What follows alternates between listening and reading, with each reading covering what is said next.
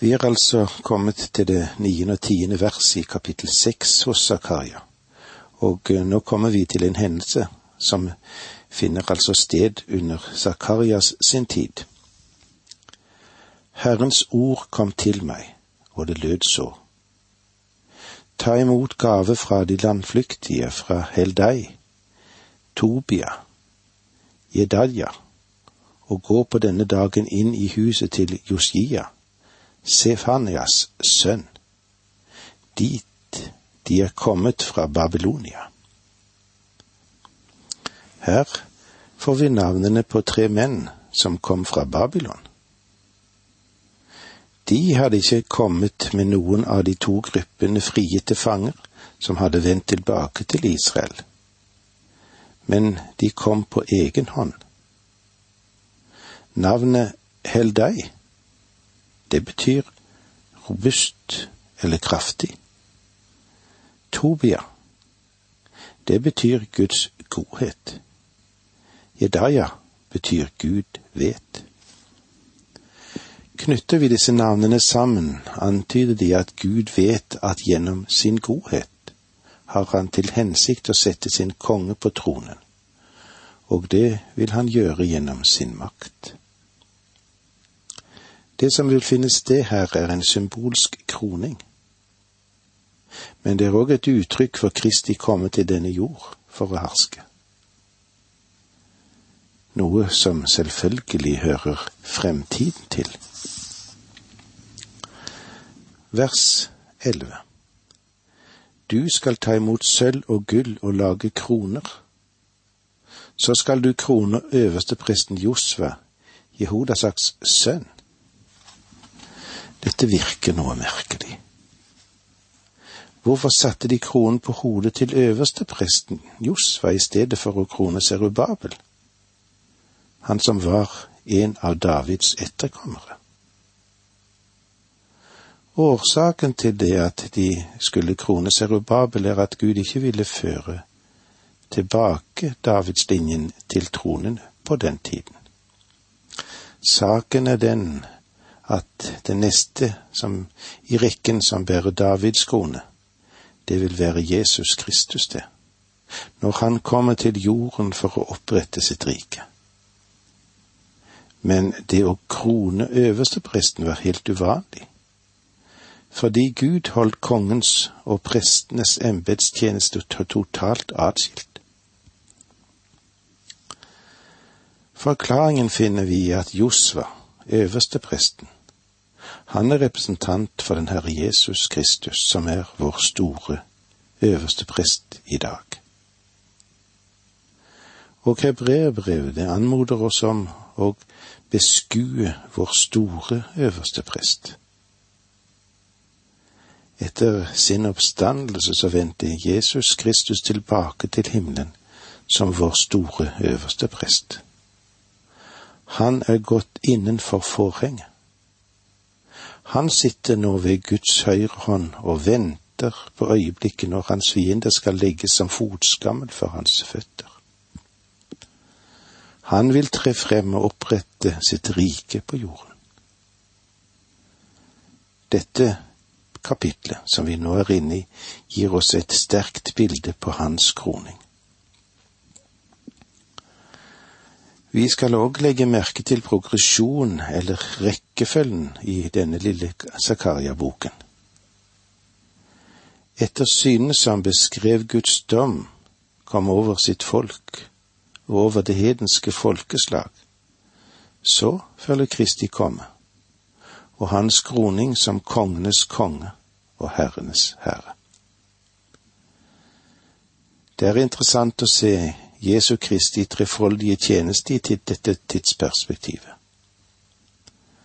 Det første tidsintervallet i hans tjeneste er som Guds profet da han kom til jord for 2000 år siden. Han kom jo hit for å tale for Gud, og han var selv Guds ord ved at han også åpenbarte Gud i menneskeskikkelse og han åpenbarte Guds kjærlighet ved å dø på korset for dine og mine synder. Han var Guds profet.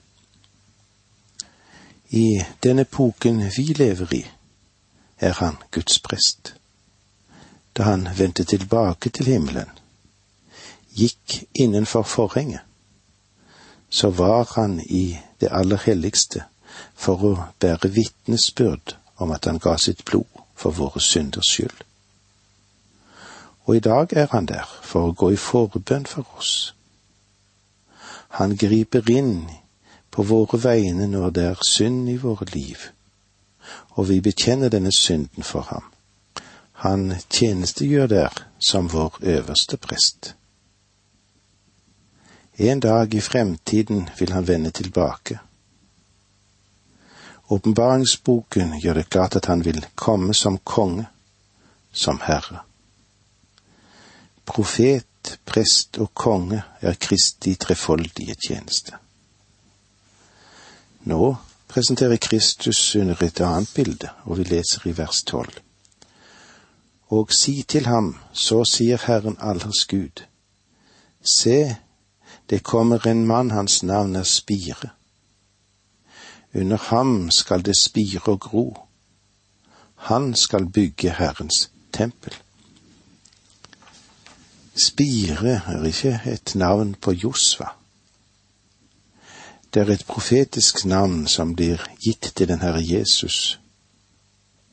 Han kom til denne jord for mer enn 2000 år siden som spiren et rotskudd av tørr jord, som det står i Jesaja 53,2. Det faktum at han kom til menneskeslekten og kom til et folk ved den tid da det lå under Rom, er noe av det mest forunderlige som noensinne har skjedd. Han blir kalt et skudd av Isais rot. Bonden, for ved den tid den Herre Jesus ble født, var Davids kongelige synket ned i den dypeste, dypeste fattigdom. Den Herre Jesus ble født under fattige kår. Han var i sannhet et skudd fra tørr jord. Jesus Kristus kommer igjen som spiren, og denne gang skal spiren herske over jorden. Under ham skal det spire og gro han skal bygge Herrens tempel. Du forstår at dette beringes som en oppmuntring til den rest som sliter for å bygge opp igjen tempelet. Som vi òg så i Haggais profetbok, virket dette byggverket lite og så betydningsløst for mange. Men i Guds øyne var dette huset han som han bygget opp, det var hans tempel selv om det er en serie av templer. Ørkenens tabernakel, Salamos tempel, Serubabels tempel, Herodes sitt tempel, tempelet under den store trengsel, tusenårsrikets tempel. Så kaller Gud et hus. Han så ikke på Serubabels tempel som et atskilt byggverk. Selv om det ble sett på som en uviktig ting av mange mennesker, av de, iallfall av de eldre, så sier Gud at det er Han som skal bedømme viktigheten av det. Og dette er en del av Hans plan og Hans hensikt. Vi må la Gud bestemme. Det er Gud som må bestemme hva som er viktig og stort, og hva som er lite og betydningsløst. Det mål vi må legge på vår tjeneste, det er at vi skal være hans medtjenere. Og det er viktig både for deg og meg å være en del av Guds vilje. Og det var jo det som var poenget som Haggai hadde, og Zakaria prøvde å formidle dette til folket. De prøvde å oppmuntre dem. De sa, dere gjør det Gud vil dere skal gjøre. Visst kan det virke lite, men dette er jo en del av hans plan og hans hensikt.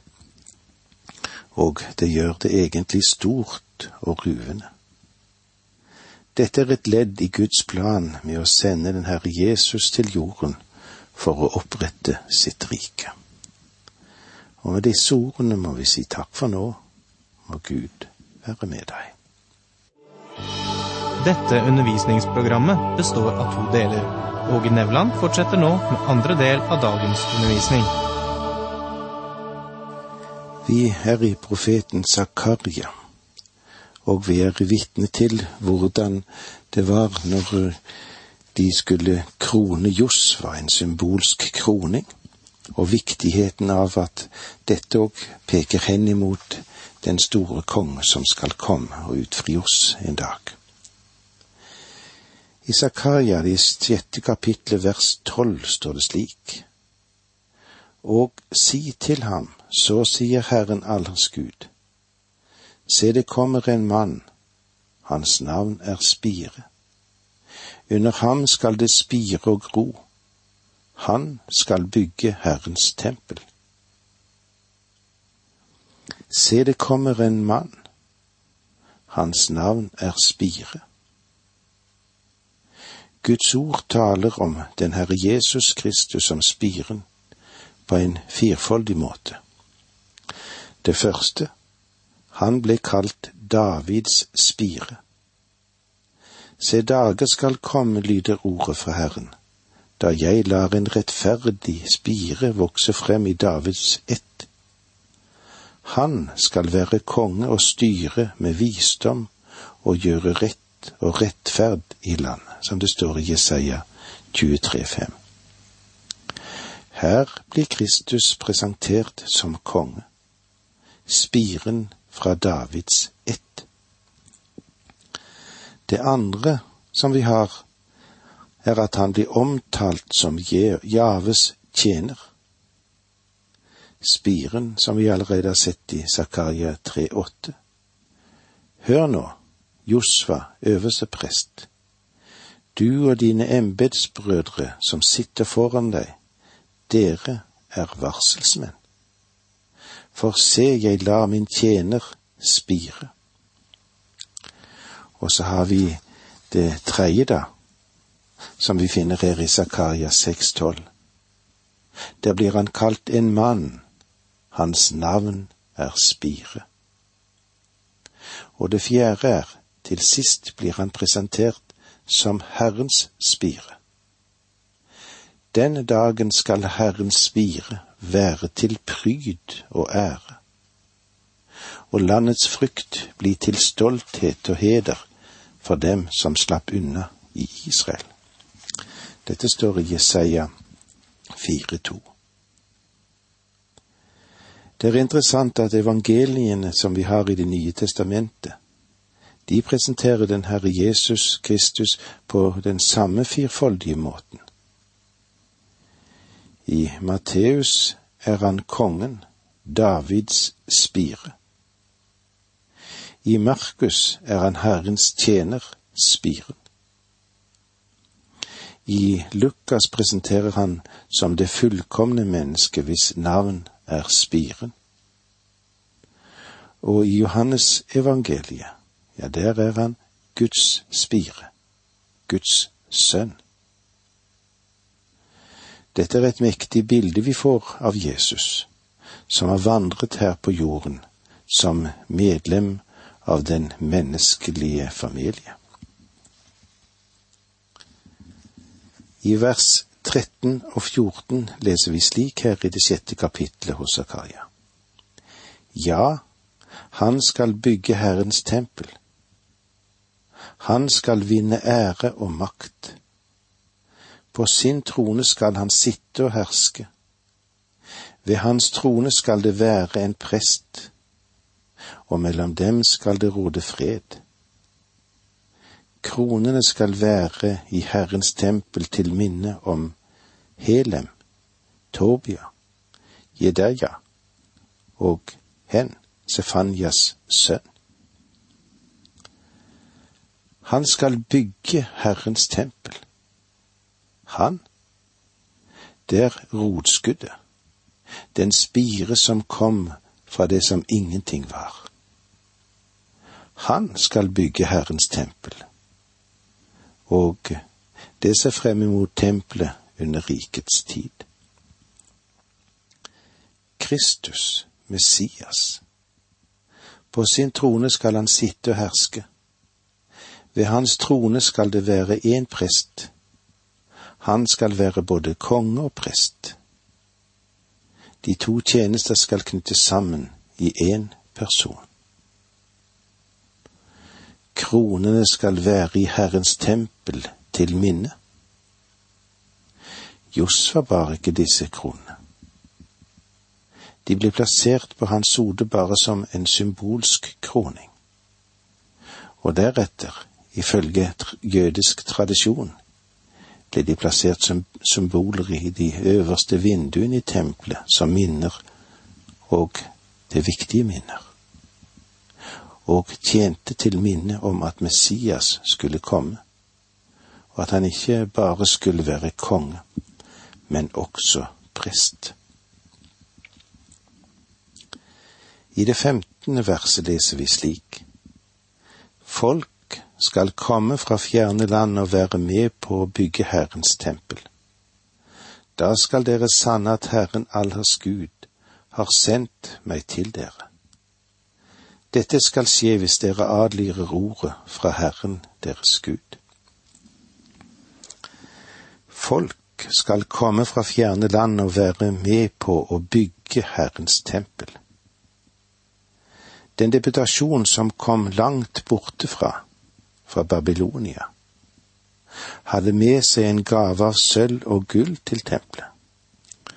Tempelet, som da var i ferd med å reises, og det er den ytre foranledningen til Zakarias beskrivelse av denne fremtidige herlighet i tempelet. Det tempelet, som skulle reises i Jerusalem som et bønnens hus for alle folkeslag, og dit også hedenske folkeslag skulle kunne komme langt borte fra og ha med sine gaver og tilbe. Jesaja taler også om at hedningen skal komme til tempelet i Jerusalem under tusenårsriket. I de siste dager skal det skje at Herrens tempelberg skal stå grunnfestet høyt over alle fjell og løfte seg opp over høydene. Dit skal alle folkeslag strømme, står det i Jesaja 2.2. Da skal dere sanne at Herren allers Gud har sendt meg til dere. Det virker som det betyr at Kristus, Messias, selv skal bekrefte sannheten i Guds ord. Dette skal skje hvis dere adlyder ordet fra Herren deres Gud. Jeg forstår det ikke slik at det betyr at fullbyrdelsen av profetien skulle være avhengig av deres lydighet. Fordi profetien er i den evige plan en hensikt Gud har. Nei, det er heller slik at deres deltakelse i den er avhengig av deres tro og deres lydighet. Når vi nå avslutter denne første hoveddelen i Zakaria-boken, må vi plassere den i historiens og i profetens strøm. Det er lett å miste sammenhengen gjennom denne delen, og ved det gå glipp av de store vekster som Skriften gir, og det største prinsipp, at Gud har nedfelt dette i sitt ord. Skulle det være slik at du vil prøve å si noe om profetiene, ja, da må du studere denne lille boken omhyggelig. Det ville fri mange av de som kommer med profetier, fra å komme med ville og underlige tolkninger. Fordi Zakarias syner er sterkt symbolske, så kan det være en tendens til å trekke den konklusjonen at de er underlige drømmer av en profet for mange sekler siden. Mennesker som ikke ser dem i sammenheng, føler seg ofte fri til å tolke hver og syne slik de ønsker det. Nei, det ligger en fare i å løfte et av synene ut av sammenhengen, og det kan gi en særegen tolkning. Vi må huske at en av de store regler for å tolke profeti er at ingen profeti er blitt til for egen tolkning. Det vil si, den må passes inn på riktig sted i hele den profetiske sammenheng. Vi må ha det klart for oss at alle de synene Zakaria fikk, er knyttet sammen og står i et forhold til hverandre. De har en mening som både har noe å si oss og i den aktuelle situasjonen, der det ble forkynt, men som også gir oss et perspektiv på historien. De er bilder av Israels fremtidige historie, inkludert det at folkets fiender skal knuses, at folket skal renses og fornyes til å bli et vitne som har øverste presten i funksjon. Denne delen avsluttes med Kristi komme til jord som den store prestekonge for å herske over jorden. Alt dette ga Gud folket gjennom Zakaria som en oppmuntring til en nedstemt rest som på den tid var med på å bygge opp igjen tempelet. Det var ikke bare det at dette prosjektet gikk langsomt fremover, og at det var store vanskeligheter. Men det syntes så lite, og så var det så fordringsløst sammenlignet med Salomos tempel og de store hedenske templene de hadde sett i Babylon, og senere i det mediopersiske riket. Men Israel var i en fredsepoke, og nå var det tid til å bygge. Og med disse ordene må vi si takk for nå, må Gud være med deg.